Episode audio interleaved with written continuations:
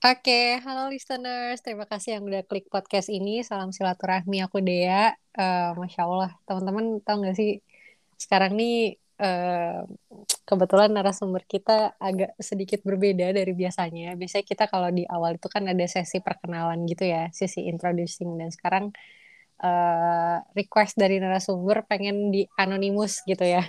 Kita tanpa menghilangkan esensi dari eh, apa namanya pengalaman-pengalaman dari eh, narasumber kita. Eh, langsung aja kita sapa, anggap aja namanya Kak Tri gitu ya. Halo Tri, apa kabar? Ya, baik. Gimana kabarnya? Kamu? Alhamdulillah baik. Eh, sekarang posisi di mana Tri? Um, in the middle of nowhere. In the middle of nowhere. Jam berapa sekarang di sana? Jam 10 PM. Ah, jam 10 PM waktu apa di sana bacanya? Kalau di Turki itu TRT. Di sini jam 11. Saya jam 10 ya. Gak tahu di sini apa ya? Gak pernah tahu. Berarti ini udah yang eh, udah berapa lama nih stay di sana? Um, Seminggu ada? jam Belum ya? dua, dua minggu, dua minggu, dua Oh, dua minggu. Oh, udah dong. Ah, udah lebih. Bonjor dong. Ya, Bonjor. Eh, gimana, gimana? Ini eh, kita ngomong, Tri, anggap aja nggak ada orang gitu. Maksudnya anggap aja kita teleponan lah kayak biasa. Eh gimana, Tri? Mau mulai dari mana nih kita cerita? Um, eh, dari kamu ada pertanyaan nggak? Aku orangnya kalau nggak ditanya itu nggak bisa cerita tahu. Oke.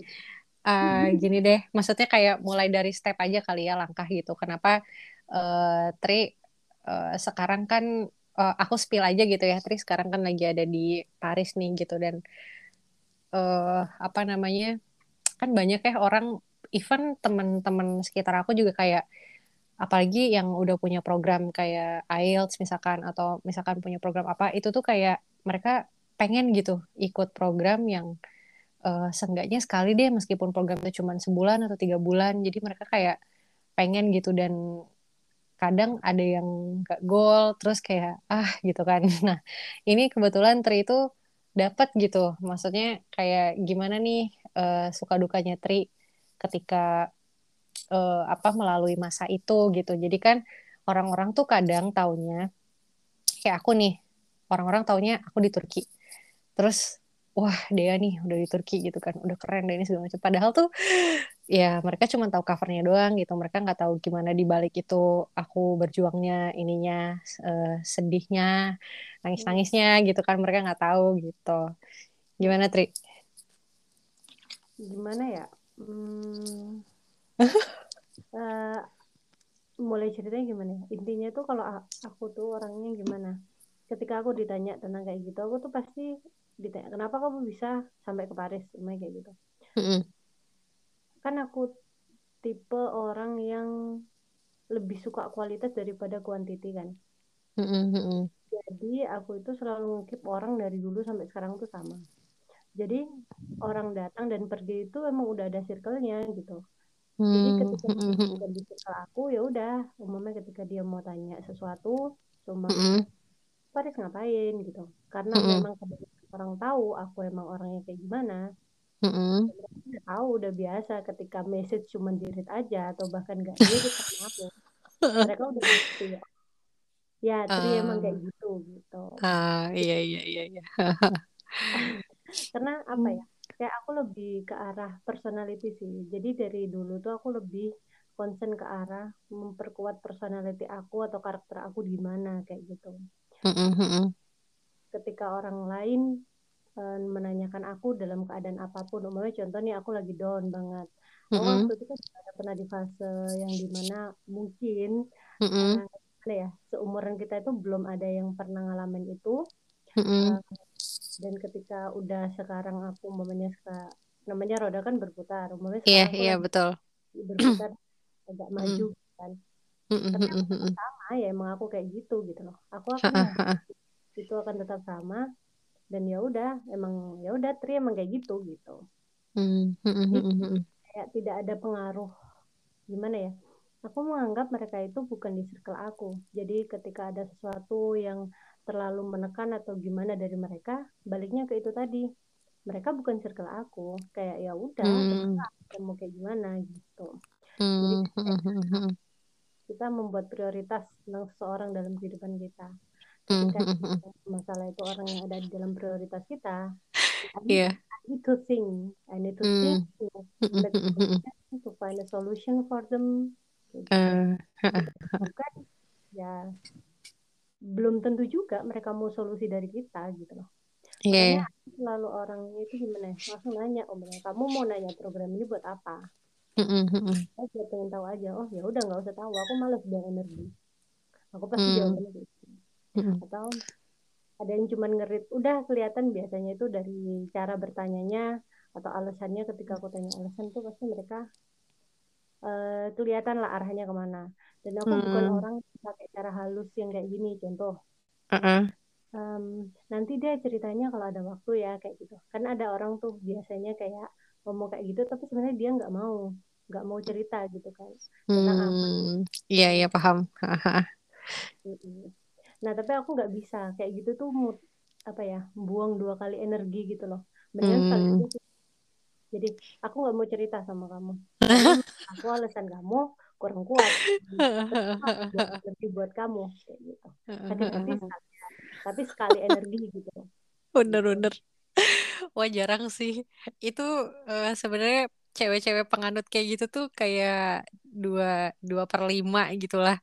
Maksudnya cewek yang dominan logikanya tuh menurut aku masih minim gitu. Karena kan emang rata-rata cewek lebih ininya dominannya ke perasaan kan. Dan aku juga sebenarnya termasuk yang dominan ke logika juga sih gitu. Dan cuman kadang aku tuh masih ada nggak enaknya kalau Tri ini pernah di apa namanya pernah di uh, dunia profesional gitu ya yang memang harus A ya A B ya B gitu ya. Atau uh, mungkin faktor turunan juga gitu yang bikin Tri itu bisa tegas gitu kan atau dan lain-lain gitu sebenarnya banyak. Cuman ini kayak aku excited sih kayak menarik gitu karena biasanya kan aku tuh uh, bikin podcast terus aku ngundang narasumber dan emang aku sengaja kita collab biar sama-sama sama-sama tahu nih sama-sama kita silaturahminya nyambung lebih banyak lagi jadi teman-temannya collab aku bisa berteman sama aku dan teman-teman aku juga bisa berteman sama collabnya teman aku juga gitu mm-hmm. tapi dengan apa ya kayak ada kode etik gitu ya anonimus kayak itu menarik gitu. Jadi maksudnya orang bisa tahu pembicaraan kita tanpa mereka tahu uh, lo siapa gitu kan. Kayak tanpa uh, apa namanya ya udah kita benar-benar cerita dan mereka nggak usah tahu uh, gimana apa namanya hiruk pikuk uh, background latar belakang kita gitu kan. Yang penting mereka tahu gini nih ada yang bisa gue share gitu kan. Dan lo bisa ngambil manfaat dari gue nih ini gitu kan. Kayak gitu uh -uh. terus terus terus gimana? Nah maksudnya uh, apa ya? Seneng nggak apa yang dilaluin sekarang gitu Tri? Kayak sekarang udah nggak di Indonesia nih gitu kan di suatu negara. Terus kayak hmm. apa namanya? Waduh adaptasi lagi gitu kan. Kayak kita harus mulai aku ya aku so soalnya nih ya Tri aku dulu di Pakistan. Aku ngerasa oke okay, gue udah student study abroad gitu. Gue udah pernah jadi student overseas dan aku ngerasa kayak perginya aku ke Turki itu bener-bener apa ya hmm, aku kayaknya nggak terlalu ini deh nggak terlalu transisi. Ternyata sama aja gitu. Uh, meskipun aku dulu pernah kuliah di luar negeri aku di luar negeri sendiri itu uh, ngerasain apa ya ngerasain beda nggak sih gitu. Udah selama dua minggu nggak ada di Indonesia gitu. Um, itu tentang habit kalau menurutku ya. Iya Jadi betul. di, di apa namanya disesuaikan sesuai kebutuhan. Itu sih jawabannya. Nggak tahu aku mau jawab apa tapi emang kayak gitu sih. Ketika aku ada di sesuatu yang baru mungkin karena aku beberapa kali juga uh, pekerjaanku memaksa aku selalu harus mudah adaptasi dengan lingkungan yang baru orang yang baru. Mm, oke okay, ya jadi ya udah kita punya habit itu tetap kita kerjakan tapi kita harus menyesuaikan sesuai kebutuhan di lapangan. Nah, mm, ada nggak sih yang melatar belakangi kayak uh, maksudnya kan tadi Tri bilang ada beberapa yang uh, maksudnya in, ini kebiasaan gitu. Ini kan pola hmm. apa punya buku khusus yang emang Tri itu baca atau kayak role model gitu yang bikin Tri itu uh, gerak-geriknya kayak gini gitu. Buku, ada nggak? buku. Buku aku baca sih tapi kayak nggak terlalu ini juga ya. Udah baca buku aja. Yang aku inget itu aku suka buku bacanya eh bukunya Bob Sadino. Hmm.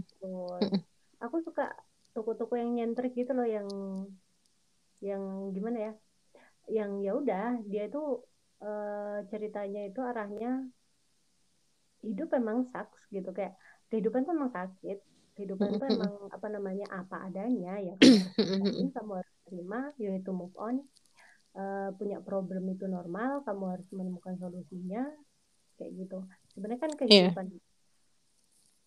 Menurut kamu deh aku mau nanya ke kamu. Kehidupan itu proses apa hasilnya kenapa? Kehidupan, itu? Lebih ke proses atau lebih ke hasilnya? Proses dong. Ya berarti hmm. yang paling lama itu proses apa hasil? Proses. Nah, berarti kita harus lebih nyaman di mananya? Nyaman di hasil apa prosesnya? Di proses sih.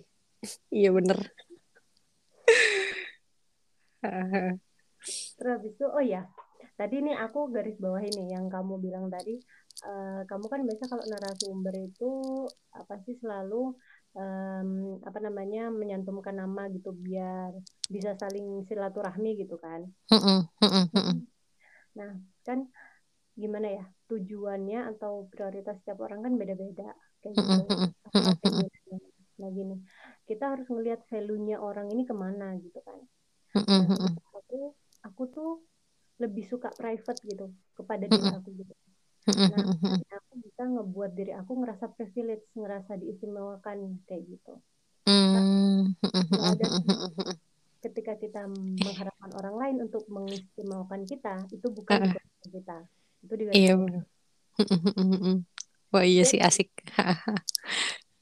Ya boleh boleh boleh. Masuklah jadi aku pengen ngasih itu ke diri aku. Karena itu emang ya hmm. ya jadi aku. Aku pengen kehidupanku itu nge-share ke orang yang mau benar-benar keep in touch in aku. Maksudnya keep in touch gimana ya? Ya emang orangnya tetap sama ataupun yang face to face dalam hmm. perjalanan aku.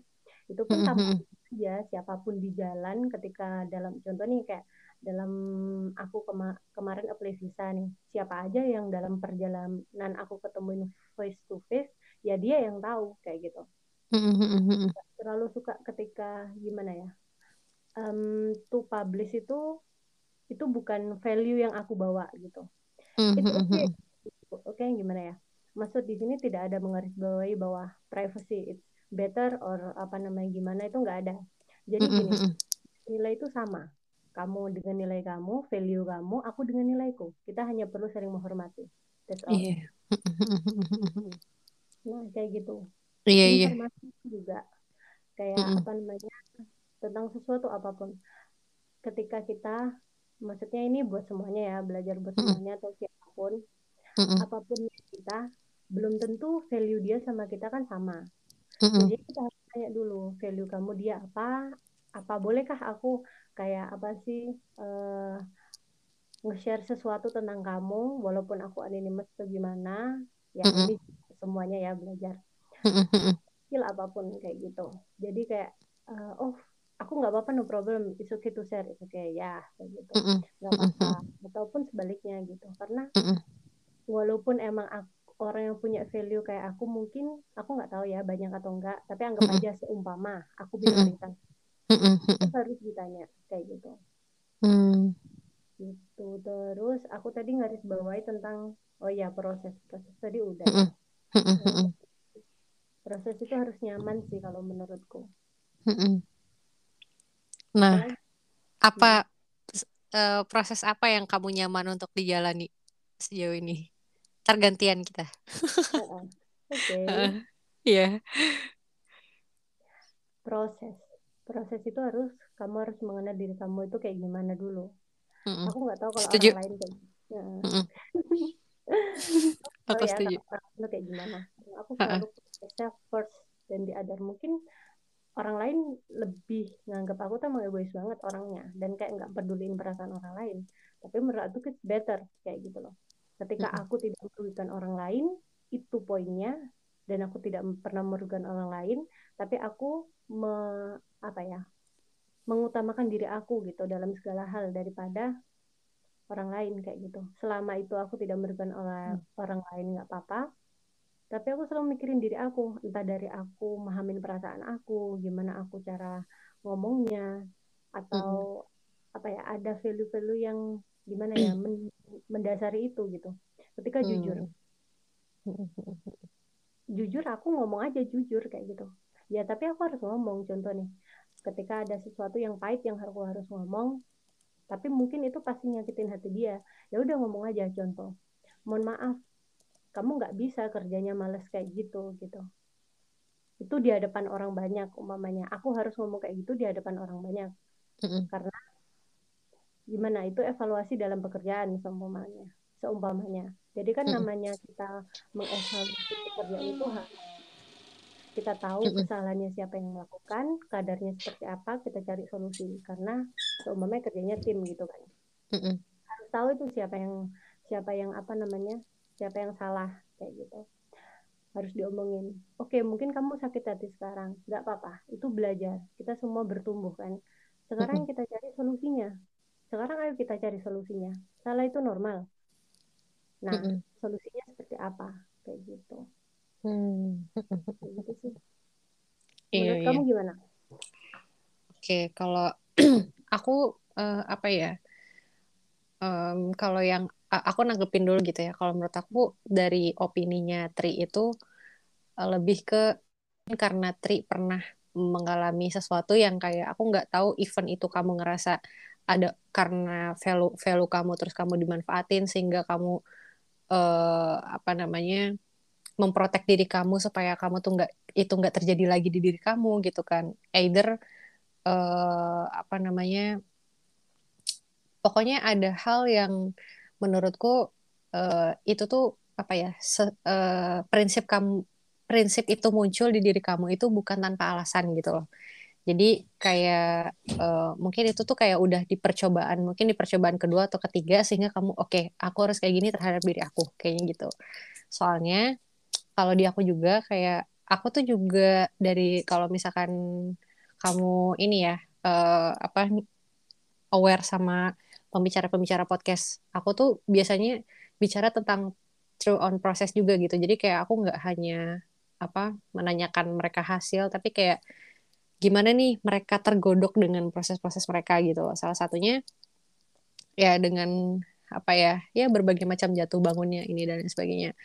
Dan kalau aku pribadi, aku baru mengenal mental health, aku baru mengenal uh, eh, self love gitu ya. Maksudnya kayak mengerti gimana cara aku mengendalikan energi diri aku sendiri. Itu sangat telat bisa dibilang Tri. Itu uh, aku di Pakistan tahun kedua, tahun ketiga, tahun ketiga apa tahun kedua gitu. Kayak aku baru mulai ngerti, oh gitu. Ternyata aku kayak gini ternyata aku kayak gini. Kayak sampai aku tuh kayak berkaca gitu ya. Maksudnya aku yang udah di titik ini aku membaca diri aku yang dulu gitu ya. Yang segitu hektiknya dulu gitu pernah. Jadi uh, uh, karena kita dari awal anonimus jadi semuanya kita anonimusin aja ya. Tri jadi uh, kita uh, apa namanya mungkin Tri juga tahu gitu. Aku dulu pernah uh, di suatu komunitas yang mana uh, aku mimpin komunitas tersebut dan itu kayak kanannya tuh atas bawah kanan kiri dan itu benar-benar ya uh, aku ngerasa sempat uh, down juga. Bahkan kayak gimana ya um, orang bilang aku tuh kayak lilin gitu. Jadi aku bisa menerangi orang tapi aku sendiri meleleh gitu kan. Nah aku uh, baru realize itu ya lama gitu loh. Ternyata memang ya lelah ketika kita selalu mengeluarkan energi dan kita nggak pernah memberikan asupan energi buat diri kita gitu. Nah jadi kayak setelah itu aku kayak lebih tegas lagi sama diri aku sendiri uh, gini loh caranya menghadapi proses gini loh gitu maksudnya kayak oh ternyata kita tuh nggak bisa jalan tanpa ilmu gitu istilah kata kita kayak jalan pakai center ya center itu adalah ilmu untuk kita jalan itu gitu. Jadi kita nggak bisa jalan di kegelapan semerta-merta jalan doang dengan mata tertutup enggak gitu loh. Tapi ya dengan mata terbuka dan dengan bantuan arah gitu ya. Mungkin uh, orang yang punya faktor agama gitu ya dengan faktor ya ilmu dan lain-lain sebagainya gitu kan nasihat mungkin dan lain-lain. Nah itu sih kalau aku uh, bahkan kayak aku paling highlight banget juga poin yang kamu bilang tadi adalah uh, kunci dari segala hal adalah kenal diri sendiri. Itu benar banget karena ketika kita menjalani proses, kita udah tahu nih diri kita. Oh, misalnya aku nih orangnya introvert, aku orangnya extrovert gitu. Atau misalkan uh, aku nih orangnya kayak gini, uh, tempa gampang temperamen ini dan sebagainya. Nah, ketika kita tahu diri kita seperti itu, kita tahu cara menanggulangi. Jadi ketika kita melalui proses tersebut, kita bisa mendapatkan solusi untuk diri kita gitu kan jadi uh, ya itu penting banget sih gitu jadi kayak garis besar banget lah gitu kayak perlu dibuletin dikasih stabilo bahwasanya pengenalan diri itu sangat penting. Bahkan bukan hanya dalam proses aja ya tapi kayak aku pernah bikin materi juga tentang kayak misalkan uh, tolak ukur siap nikah gitu atau mungkin uh, gimana cara kita untuk bisa sukses. Bahkan kayak kita punya mimpi. Kita untuk mencapai mimpi kita itu nggak semerta-merta kayak gue pengen ke bulan. Udah gitu kan.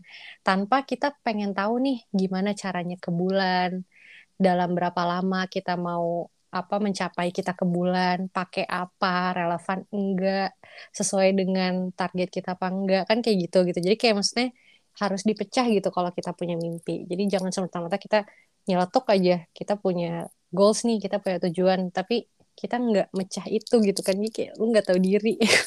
Itu bener-bener kayak bakal bikin capek kita gitu kan. Kayak gitu sih. Mm terus uh, oke okay, uh, eh, proses udah selesai terus kayak aku gini sekarang kalau aku baca ya uh, Tri ini kayak penganut stoik stoik banget sih stoicism jadi orang yang paling ngerti bahwa uh, kita nih harus berada di bawah kendali diri kita sendiri gitu ya. Jadi kayak Tri itu bener-bener nggak terlalu apa ya, nggak terlalu menerima respon dari hal-hal yang di luar kendalinya Tri gitu. Dan uh, apa kayak enjoy banget gitulah, enjoy enjoy your life banget gitu kayaknya tuh. Jadi kayak ya udah berarti ini bukan ini gue ya udah gitu kan kayak Nah, justru kadang orang yang kayak gitu, yang kayak enjoy enjoy their life banget, itu justru orang yang ketika dia dikasih titik terendah itu yang paling uh, dia nggak apa ya, paling nggak dia expect gitu. Karena aku pernah kayak gitu juga, aku pernah kayak gitu juga. Nah, kira-kira nih. Uh, Tri berkenan nggak kalau cerita gimana sih titik terendah Tri gitu ketika menghadapi itu kayak gitu Hmm. Sebenarnya kalau umumnya um, kan itu tadi uh, ini ya berdasarkan analisis kamu kan ya. Mm -mm. Tapi kalau umumnya dari aku, aku ngerasa emang benar sih kayak aku nggak terlalu apa namanya merespon orang lain kayak gitu ya ketika dia emang bukan circle aku. Tapi bukan berarti aku bukan deep thinker dan bukan aku bukan berarti aku orang yang tidak merasa kayak gitu. Iya, yeah, I know. Kan, dan aku terlalu merasakan I need to control it. Karena aku aku tahu nih aku orangnya kayak gitu. Aku ngerasa banget aku notice simple things. Selalu aku orangnya gimana ya aku tuh kelihatan cuek tapi sebenarnya aku observe kayak yeah. aku ngeliat aku mengamati kayak aku gitu. I know ketika kita mengenali diri kita kayak gitu gitu kan itu bukan hal negatif gitu. iya iya kita harus gimana ya kita harus tahu uh, kadarnya seperti apa mm -mm. kita harus menempatkan pada posisi yang seperti apa dan digunakan seperlunya gitu. mm iya iya jadi nggak nggak nggak to waste energi gitu mm -mm. Terus ketika ada di titik terendah ya mm -mm. kita tahu ya ini balik lagi ke agama kita kan mm -mm. punya agama aku tahu kalau kontrol diri aku kayak gimana atau bagaimana kayak gimana cara ngadepinnya ngedalinnya gimana kayak gitu. Tapi pasti yang namanya kehidupan. Ada saatnya aku nggak bisa mengontrol diri. Ada saatnya Yeah. aku yang punya rajin terus males. Iya, kayak gitu. aku juga pernah. Heeh. nah itu tuh kalau aku kamu nempatin kalau aku yang maunya prioritas sholat kayak gitu ya. Aku nggak bakal ninggalin sholat tapi untuk kayak belajar atau apa namanya kayak hangout buat temen yang misalnya sering hangout atau gimana kayak gitu pokoknya yang Mm-mm. bukan, bukan prioritas kayak gitu ya udah nggak apa-apa buat malas aja rebahan aja kayak gitu aku Mm-mm. pernah kok kayak mingguan itu yang aku lakuin itu Mm-mm. cuman kayak sholat aja baca Quran ya lainnya di rumah nonton Netflix kayak apa kayak ya emang yang aku butuhin gitu loh dan Mm-mm. it's okay kayak gitu loh kayak ya gimana ya intinya kamu tahu nih diri kamu tuh kayak gimana? Kayak Mm-mm. gitu. Jadi ya kamu harus ngecharge itu gitu ketika kamu Mm-mm. udah tahu kamu orangnya seperti apa. Tapi Iya. ketika kamu belum tahu ya nggak apa-apa coba-coba kayak gitu. Gimana ya? Kita kan hidup kehidupan nih berproses kan. Nggak ada Iya. kata terlambat nggak ada kata apa namanya nggak ada kata terlambat nggak ada kata-kata kecepatan. Semuanya hanya pada waktunya. Kalau aku Iya. lebih arah ke situ sih.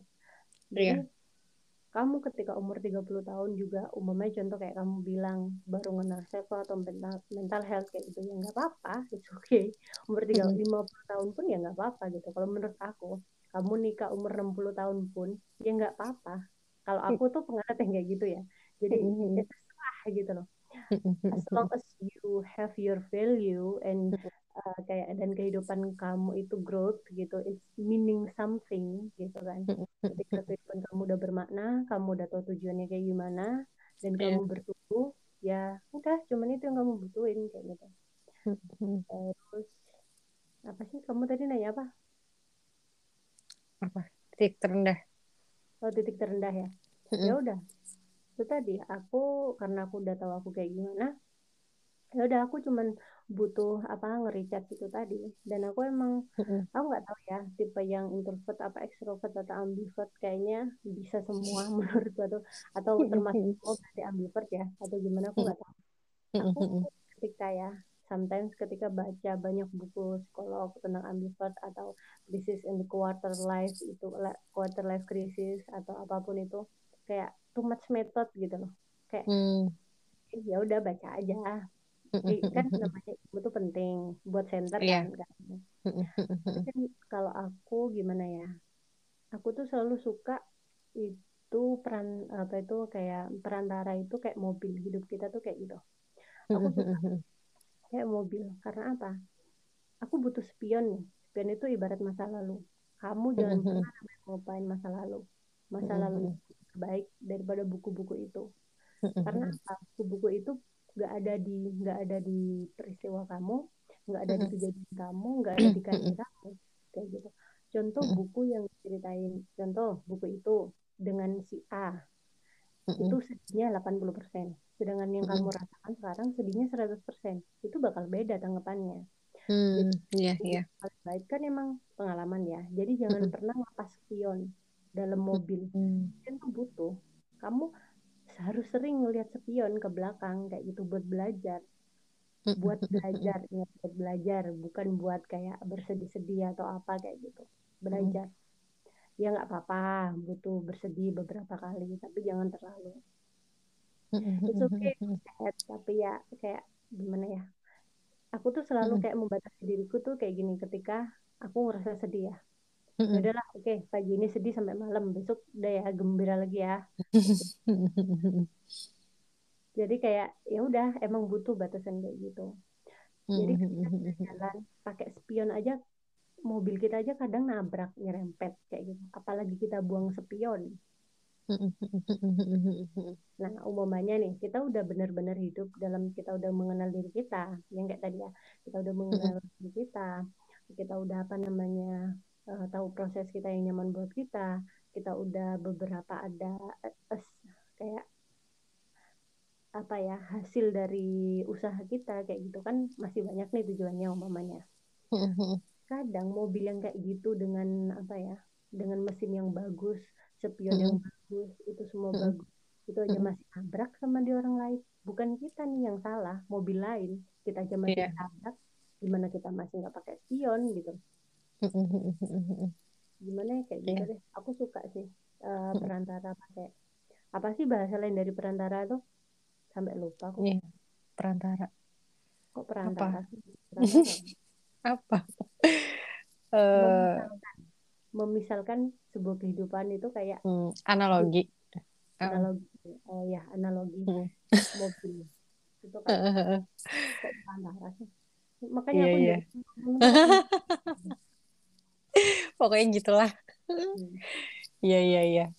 Iya sih bener sih. Maksudnya kayak hmm, kalau aku lengkapin gitu ya statement itu ya kita diciptakan dua mata di depan untuk lihat ke depan bukan ke belakang gitu kan.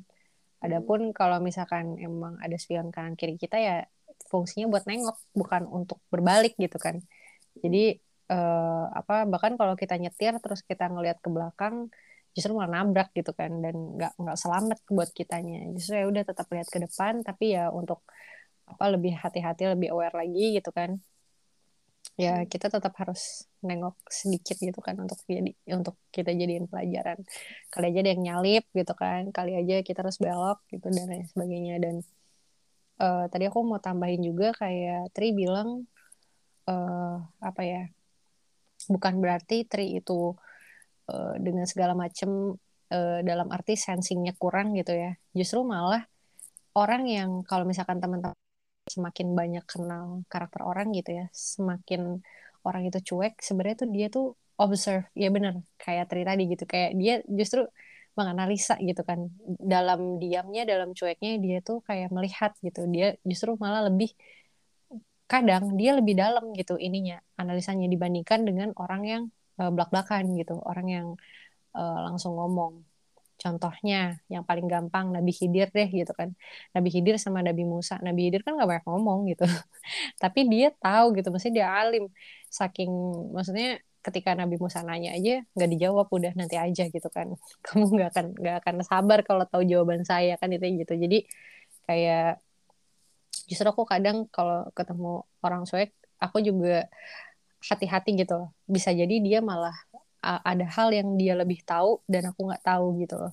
Kayak gitu sih. Dan kunci kunci dari semua kunci kalau kita mau malas sebenarnya ini sih. Kayak kita jangan terlalu merasa kita di atas dia gitu kan. Hmm. karena baru-baru ini aku juga ketemu orang gitu kan dan kodarullah dengan karakternya tuh ya luar biasa gitu. Jadi kayak um, mungkin di sini ngerasanya aku nih mahasiswa terus kayak ya merasa beliau lebih berpengalaman dari segi usia maupun uh, pengalaman hidup gitu ya. Dan aku aku itu memang kalau dari udah lebih senior gitu kan. Tapi kayak ketika di dunia profesional terus aku uh, agak sedikit di apa direndahkan ya kiranya mungkin dikira aku nggak tahu padahal aku tahu gitu loh. Jadi ah ya gitulah. Intinya kita harus uh, apa ya hmm, ketemu orang baru kita harus kosongin gelas gitu. Karena um, aku punya prinsip juga bahwa setiap orang tuh guru gitu. Kayak aku ketemu Tri juga itu buat aku guru gitu. Justru uh, ya kayak aku bilang di awal gitu aku excited karena ini ini uh, beda dari yang lain nih gitu kan.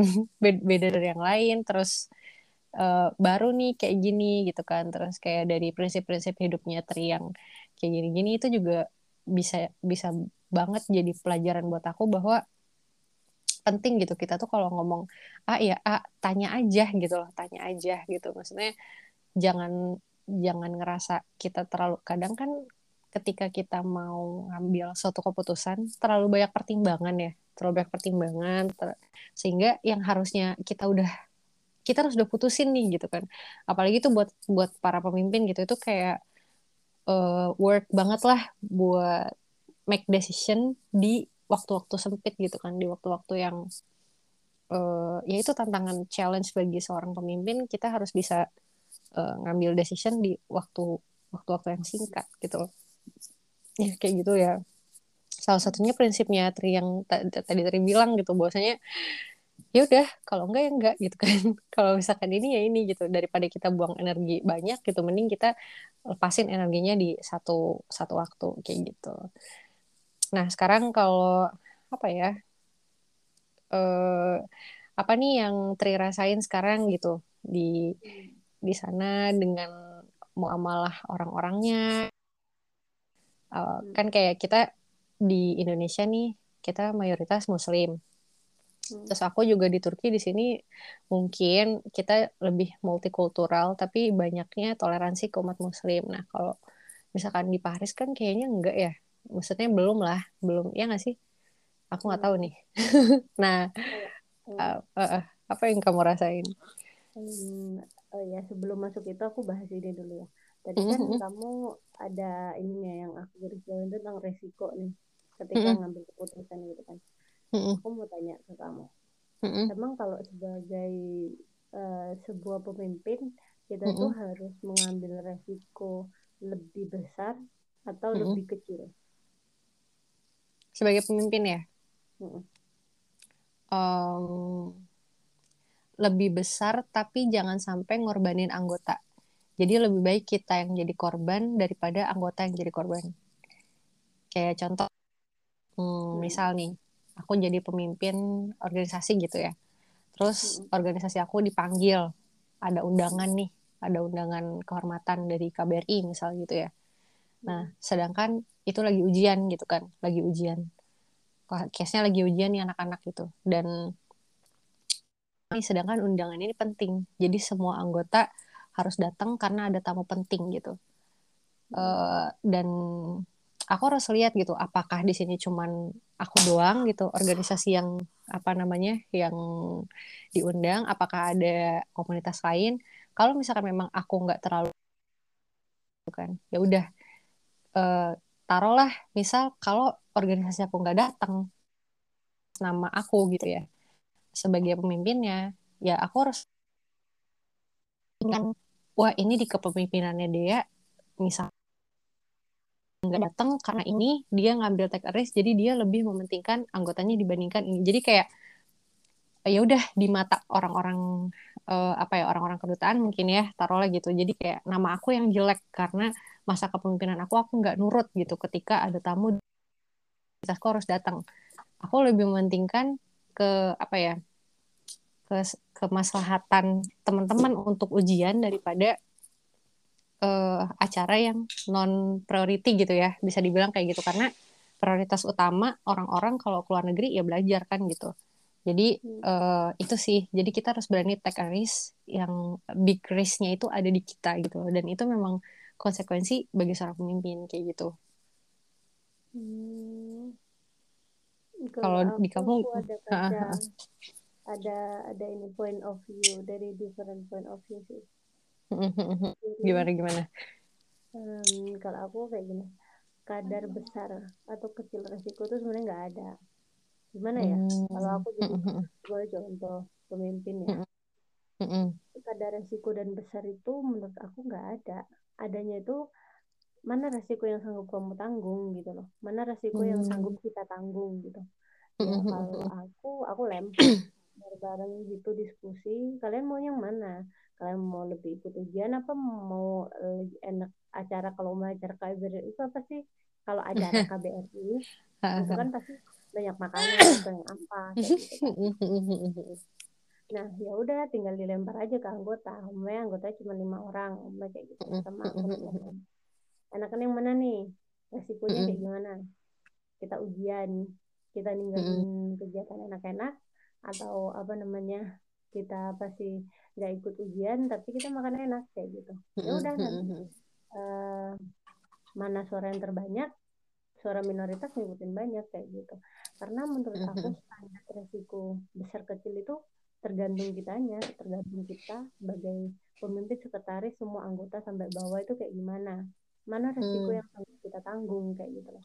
Karena setiap orang pun berbeda. Namanya kalau ini kan anggap aja kelompok gitu kan. Iya. Yeah. Kadar, kadar resiko setiap kelompok pun berbeda karena banyak hmm. point of view-nya kan. Jadi kayak mm-hmm. belum hmm, tentu resiko kita ini kecil menurut mereka gede. Eh menurut mereka kecil juga. Bisa jadi ternyata resiko menurut kita kecil menurut mereka besar kayak gitu. Jadi hmm. ya itu tadi belum tentu apa yang kita pikirkan itu apa yang mereka butuhkan gitu loh. Ah ini aku mikirnya jadi ke parenting jadinya orang tua. Jadi terlalu ya. uh, ya lah cut dulu aja sampai sini. Udah paling kayak gitu sih. Menurut aku standar resiko itu resiko mana yang sanggup kita tanggung kalau untuk kelompok? Kalau untuk sendiri resiko mana yang sanggup aku tanggung? Gitu. Jadi kita punya keputusan kamu tahu resikonya kamu sanggup menanggung atas dirimu sendiri karena kamu bertanggung jawab atas dirimu bukan orang lain gitu. ketika orang lain mereka punya sumber umpamanya kayak opsi gitu kan atau masukan anggap aja ada masukan A B C D E kayak gitu. Tapi ternyata kamu punya solusi sendiri F. Ya nggak apa-apa. Kan kamu yeah. sendiri yang resikonya nanti dan kamu bertanggung jawab gitu. Iya, ya, setuju sih. Tadi yang ini ya apa namanya muamalah di sini tentang muslim ya. Nah, karena kan aku di kota, di kotanya itu aku bukan di Paris sih, aku malah 10 menit ke Swiss. Jadi ke, jadi kayak pojok lebih, dong, ujung. jadi lebih ke arah, jadi kegiatanku itu lebih ke arah ke Swiss sih daripada ke Parisnya. Hmm, Oke. Okay. Hmm, biasa aja sih. Paling pakaianku juga pakaian kan karena aku suka lebih suka pakai hoodie terus ya udah kerudung asal asal dipakai kayak gitu. Bukan yang sari-sari banget. Dia lebih ke arah tomboy malahan. Ya tetap aja gitu dan itu iya iya iya iya. Mereka respect kok sama muslim. Ya udah respect hmm, aja. oke. Okay. terus yeah, mereka berarti suka kan orang Paris tuh. Hmm. Hah, suka disapa? hmm. Bunjo kayak merci itu mereka suka kalau kita naik bus ngomong aja merci kayak gitu. Kayak terima kasih gitu oh gitu. Uh, tapi kamu berarti masih adaptasi bahasa juga ya? Melajarin bahasa juga kan? Iya ya aku di sini belajar bahasa Prancis setengah-setengah. Oke. Okay. ya uh, ini sih aku juga nanggapin lagi sih yang tadi uh, bener gitu. Uh, maksudnya gini justru kayak keputusan aku keluar karena kita harus dengerin audiens dulu kan. Maksudnya kayak anak-anak lebih mereka uh, uh, jadi uh, udah ada udah keputusan A terus ya mereka maunya apa gitu kan.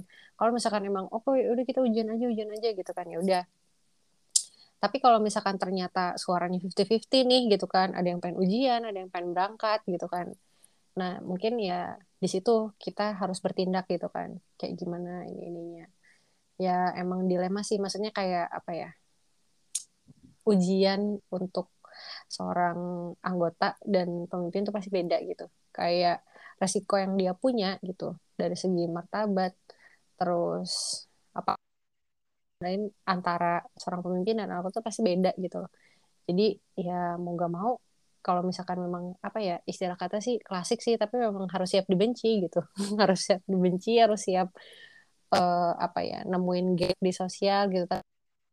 Hal-hal itu yang bikin kita keluar dari zona kita gitu zona kita yang baru. Jadi kayak kita metaforce lagi gitu uh, sosial kita terus pribadi kita. Jadi bahkan kayak aku kalau berkaca ke Dea yang dulu gitu ya. Misalnya kalau ngelihat lagi uh, review lagi gitu reverse lagi Dea versi 2000 2014, 2017 gitu. Maksudnya kayak dari dari setiap tahun tuh ada aja gitu perkembangannya dan ya we have to proud uh, with ourselves gitu. Jangan uh, jangan mencari pengakuan dari luar lah gitu karena itu nggak akan habis-habis gitu. Jadi lebih baik hmm, kita punya diri gitu yang nempel di badan di jasad kita bertahun-tahun gitu kan.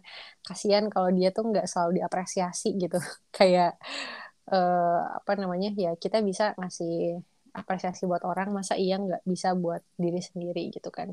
At least sebelum tidur kita kayak oke okay, aku aku seharian ini aku udah ngerjain ini udah ngerjain ini gitu kan. Ya udah terima kasih sama diri sendiri gitu kan. Dan itu it's worth banget lah. Itu ngaruh banget buat uh, apa ya uh, menjaga kewarasan diri kita gitu. Untuk biar bisa tetap hidup sehat. Kalau menurut aku gitu. Gimana sih what do you think? Hmm ya. Um, jadi kalau kita nanam sesuatu atau apa pun pondasinya kan yang harus kuat ya uh, aku dari tadi kayak ngomongin ya kita harus menanam diri sendiri. Kita harus yeah, yeah. gitu gitu kan. Dan adalah tidak boleh merugikan orang lain kayak gitu kan. Tapi kita kan baliknya itu kita balik ke apa namanya fitrah kita. Kita kan makhluk sosial. Kita yeah. butuh seseorang gitu kan. Iya betul nah, betul. setuju setuju. Selalu ada dua orang kalau aku dua orang contohnya. Yang yang mereka udah tahu aku kayak gimana orangnya mereka tahu aku aku bakal nelfon mereka cuman kalau butuh. Hah? aku tahu uh, mereka tuh udah memahamin aku kalau aku ya itu tadi aku garis bawain ya mereka tahu. Aku hmm. kalau mereka tuh pasti kalau butuh doang. Hmm. dan mereka tahu aku orangnya kayak gimana mereka tahu aku gimana ya mereka yang benar-benar tahu aku dan aku juga benar-benar tahu mereka kayak gitu. Dan itu pondasi mm -hmm. aku yang paling kuat gitu dan kayak aku merasa benar bersyukur punya mereka kayak gitu sih. Mm -hmm. nah, karena kita tadi itu tadi gimana ya sekuat apa pun kita ya kita mm -hmm. makhluk sosial punya ke fitrah kan. Kita butuh seseorang untuk ngerti kita untuk memahami mm -hmm. kita dan ya karena aku orangnya kalau punya relationship itu bertahan lama dan dan deep kayak gitu ya mm. ya mungkin itu sih gitu hmm. karena karena karena aku selalu nunjukin diriku gitu mm. gimana ya ketika kamu nunjukin diri kamu apa adanya kayak gitu kan mm. dan ternyata ada orang yang bukan apa ya interest gitu interest mm. mungkin awalnya interest terus ternyata mereka tahu semakin uh, how screw up our ourselves kayak gitu kayak gimana hancurnya kita gitu kan sumber gimana berantakan kita gitu dan mereka bertahan. Sampai tahu jeleknya kita kayak gimana dan kita bertahan kayak gitu. Wah ya itu sih. Menurutku yang emang harus dikit kayak gitu. Dan ya alhamdulillah aku nemunya emang di awal aku teenager sih. Masuk masuk masuk pondok. Alhamdulillahnya. Iya iya.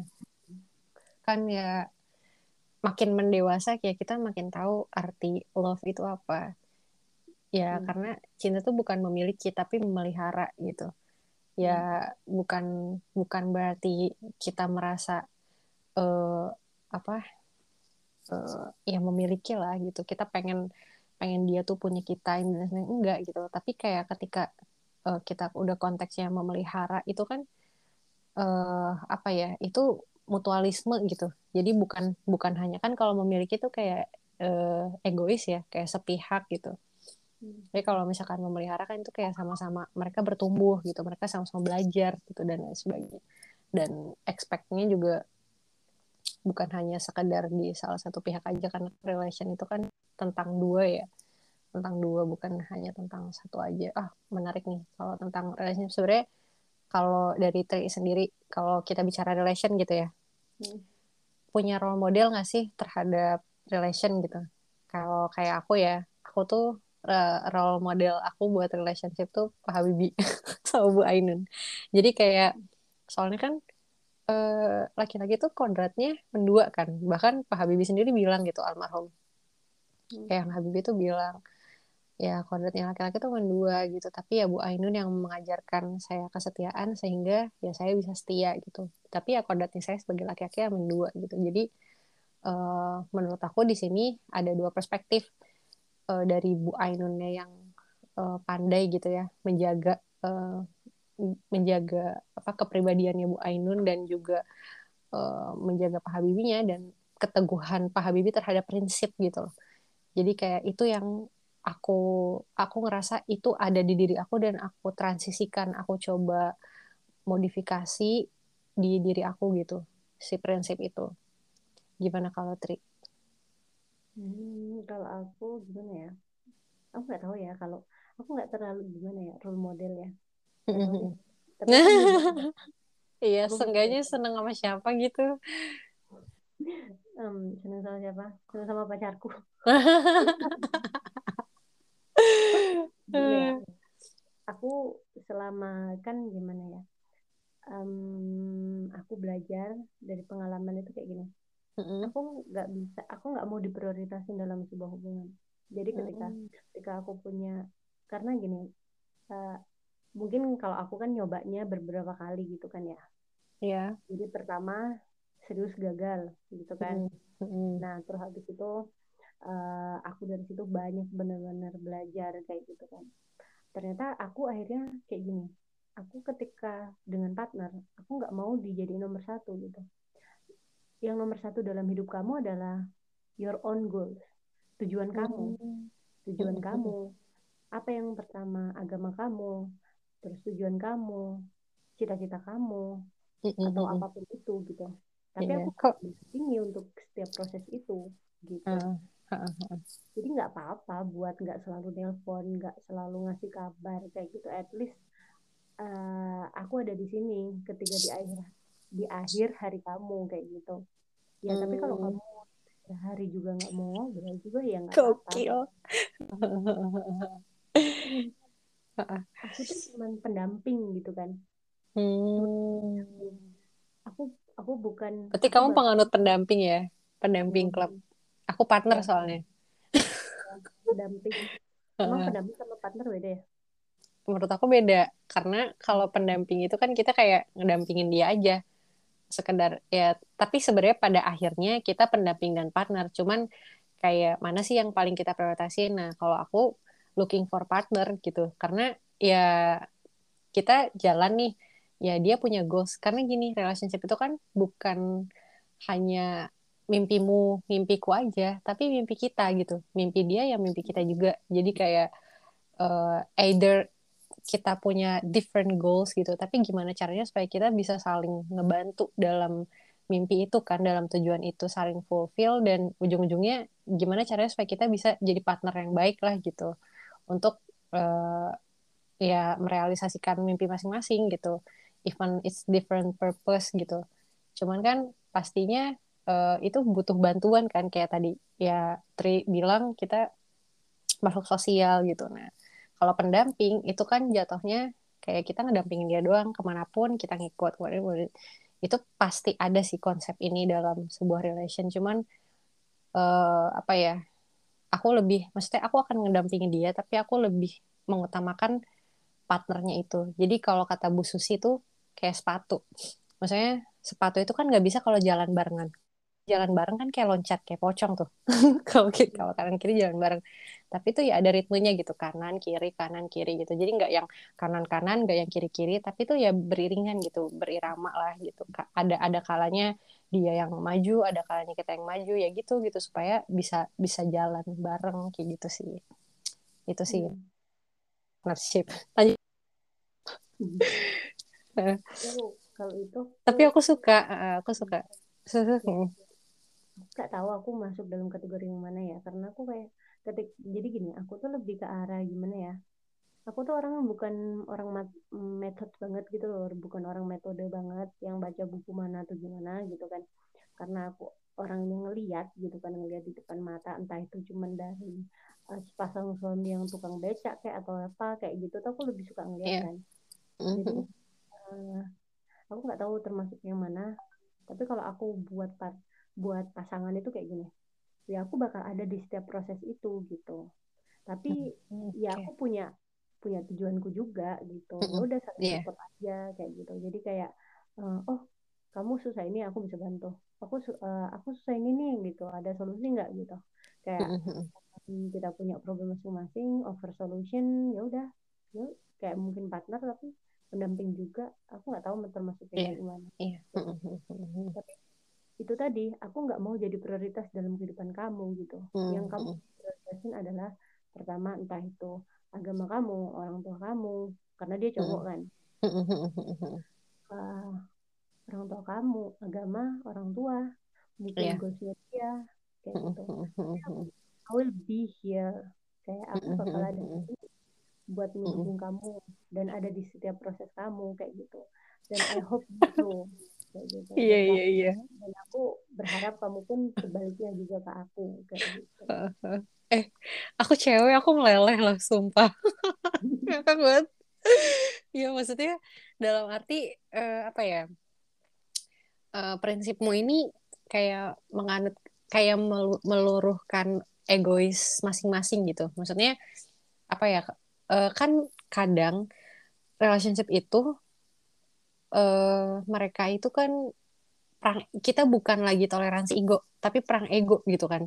Kayak apalagi kalau itu seumuran. Itu bener-bener yang uh, apa ya uh, panas lah gitu masing-masing kayak pengen difahamin gitu kan. Nah tapi kayak kamu nih udah pasang masang apa ya pondasi dari awal bahwa ya kayak gini gue udah segini merendahnya loh gitu. Maksudnya gue udah udah segini menurunkan ego gue demi pasangan gitu kayak udah segitunya. Bahkan kalau aku bantu fulfill dari konsep Islam gitu ya di konsepnya Isa Solihah tuh ya bener kayak gitu gitu loh. Karena kan ujung-ujungnya kayak kita milik suami kita tapi suami kita tuh milik ibu milik ibunya gitu loh jadi kita nggak bisa 100% merasa memiliki suami kita gitu. Tapi ya kita harus percaya ya itu tadi gitu bahwa dia tuh punya ibunya terus dia harus memperjuangkan agamanya ini dan dan kalau maksudnya kayak gini kayak konsepmu yang bilang bahwa ya udah jangan nomor satukan saya gitu kan. Kan jatuhnya jadi bucin ya budak cinta gitu.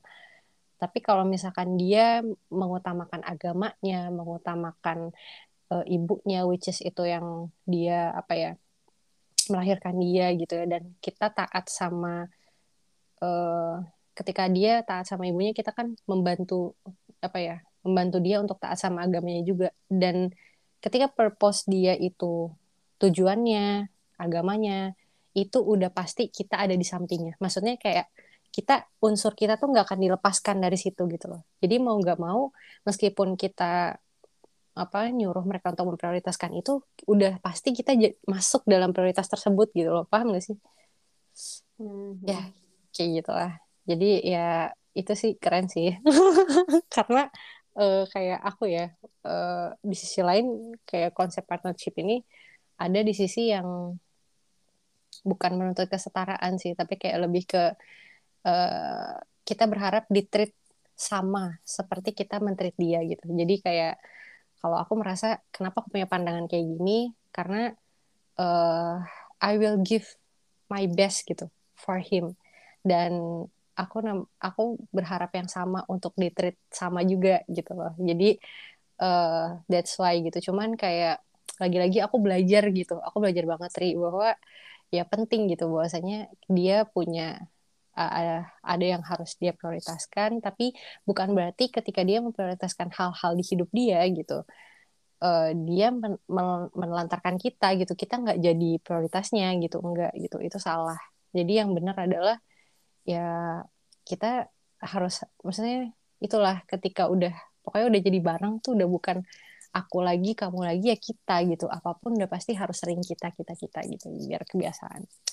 Kayak gitu wah keren sih. Nggak kerasa nih udah mau sejam ya. Uh, last last minute aku pengen tahu sih apa ya uh, pesan kesan dari Tri gitu buat yang dengerin gitu. Karena uh, serius Tri uh, aku ngiranya podcast ini kadang biasa aja gitu ya. Tapi kadang ada yang setelah dengerin terus dia kayak ngasih testimoni panjang gitu. Kayak kak aku terinspirasi banget gitu kak. Aku ini jadi kayak bahkan ada yang nunggu-nunggu gitu. Aku kan soalnya kalau podcast tuh kadang ngeditnya masya allah gitu ya. Hmm. tapi ya uh, apa ya mungkin kayak nggak tahu nih yang lagi dengerin apa mereka lagi tengah malam overthinking gitu kan. Atau mungkin mereka lagi butuh ditemenin butuh semangat gitu. Jadi kayak apa sih kata-kata yang pengen kamu sampaikan gitu yang uh, itu juga empower kamu ketika kamu down ketika kamu jatuh gitu time hmm, for you. Hmm, mungkin ada dua poin sih. Mm -hmm. yang pertama itu ketika kamu punya banyak masalah itu nggak apa-apa. Yang harus hmm. kamu lakuin cuman kamu harus menemukan solusinya. Udah gitu aja. Jangan, jangan apa dan kamu pikir uh, gue banyak masalah nih. Kayak aduh kenapa sih hidup gue banyak masalah banget? Kayak gitu. Ya udah namanya juga hmm. hidup banyak masalah ya nggak apa-apa. Yang penting kan harus cari solusinya.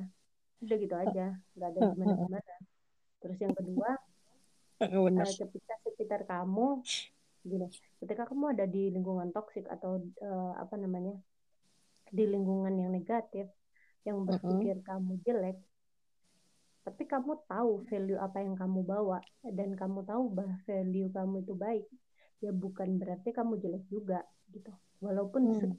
contoh nih ada sembilan ada 100 orang 98 orang itu bilang kalau kamu tuh jelek gitu kan. Maksudnya kepribadian kamu jelek kayak gitu. Ngapain sih? Dia orangnya suka sendiri kayak gitu. Padahal kan itu bukan urusannya mereka untuk ngurusin kamu yang kamu suka sendiri gitu kan. Dan itu nggak apa-apa padahal dan itu wajar. Karena kamu emang orangnya introvert kayak gitu. Label mereka buat kamu ngomong kalau karakteristik kamu jelek itu ya nggak apa-apa. Itu kan mereka kayak gitu kalau mereka bilang kamu bahwa kamu negatif bukan berarti kamu bakal berubah jadi negatif kan? Ketika kamu yang orangnya positif. Udah gitu aja jadi kayak hmm, simulasi lainnya uh, kalau aku bantu analogi itu kayak kapal itu nggak akan tenggelam. Buk, kapal bukan tenggelam karena air di sekitarnya tapi air yang ada di dalam kapal gitu kan.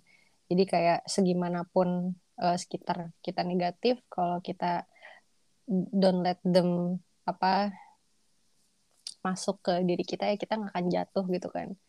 Jadi ya itu sih segimanapun uh, apa namanya negatif uh, sekitar kita ya kita harus bisa mengkonter itu gitu. Kita harus tahu gimana caranya supaya uh, itu nggak mempengaruhi hidup kita lah ya kayak gitu. Dan tadi yang pertama itu simple itu klasik tapi itu bener gitu. Jadi kayak kita punya masalah kita cari solusinya. Jangan dipikirin terus gitu kan. Gue baca ke saya itu bener banget gitu. Kayak aku juga sedikit ketampar sih. Bahwasanya ya adanya masalah itu satu paket dengan solusi gitu. Kita harus ya finding the solution gitu. Win-win. Ya aduh makasih banget ya iya, Tri. lagi. Ha, ha, ha. gimana Kadang gimana? itu butuh proses dan waktu tunggu itu nggak nggak nggak apa namanya nggak bentar. Jadi ya nggak apa-apa. Seumpamanya ada ada apa namanya ada masalah yang di mana waktu tunggunya lima tahun empat tahun dia ya nggak apa-apa. Itu kan yang penting ada hmm. solusinya setelah apa? Lima tahun lagi. Udah beres. Hmm.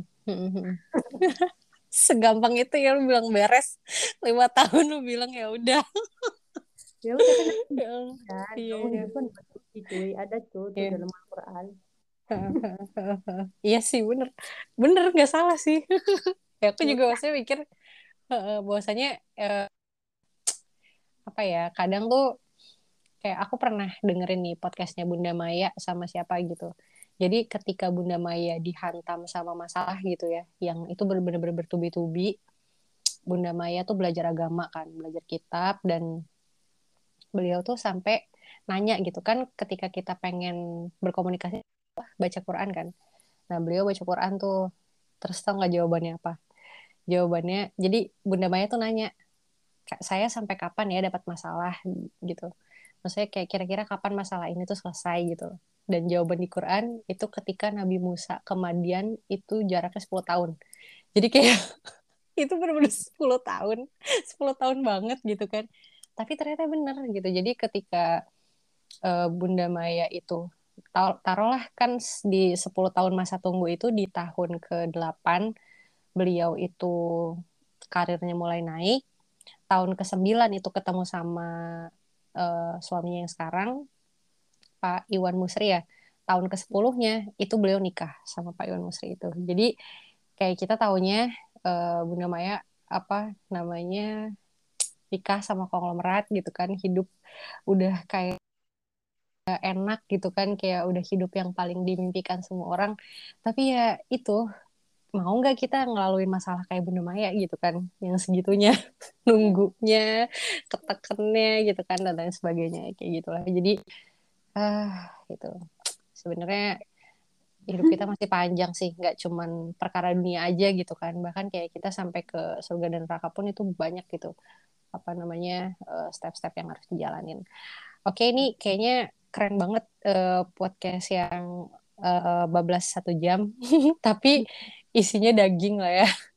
Maksudnya kayak kita tadi bicara tentang proses bicara hmm. tentang tujuan relationship terus jatuh bangun titik rendah kayak semuanya masuk gitu. Dan lebih kerennya lagi kita kayak mungkin teman-teman bisa lebih menilai lebih objektif karena ini kita benar-benar ya ngomong sama uh, orang yang banyak pengalamannya tapi nggak mau dikenalin gitu kayak gitu thank you ya Tri udah ya. mau bergabung di podcast ini uh, terima ya. kasih juga buat teman-teman yang udah dengerin sampai akhir uh, sehat-sehat selalu Tri di Paris yang deket Swiss ya ya thank you Uh, terima kasih banyak teman-teman.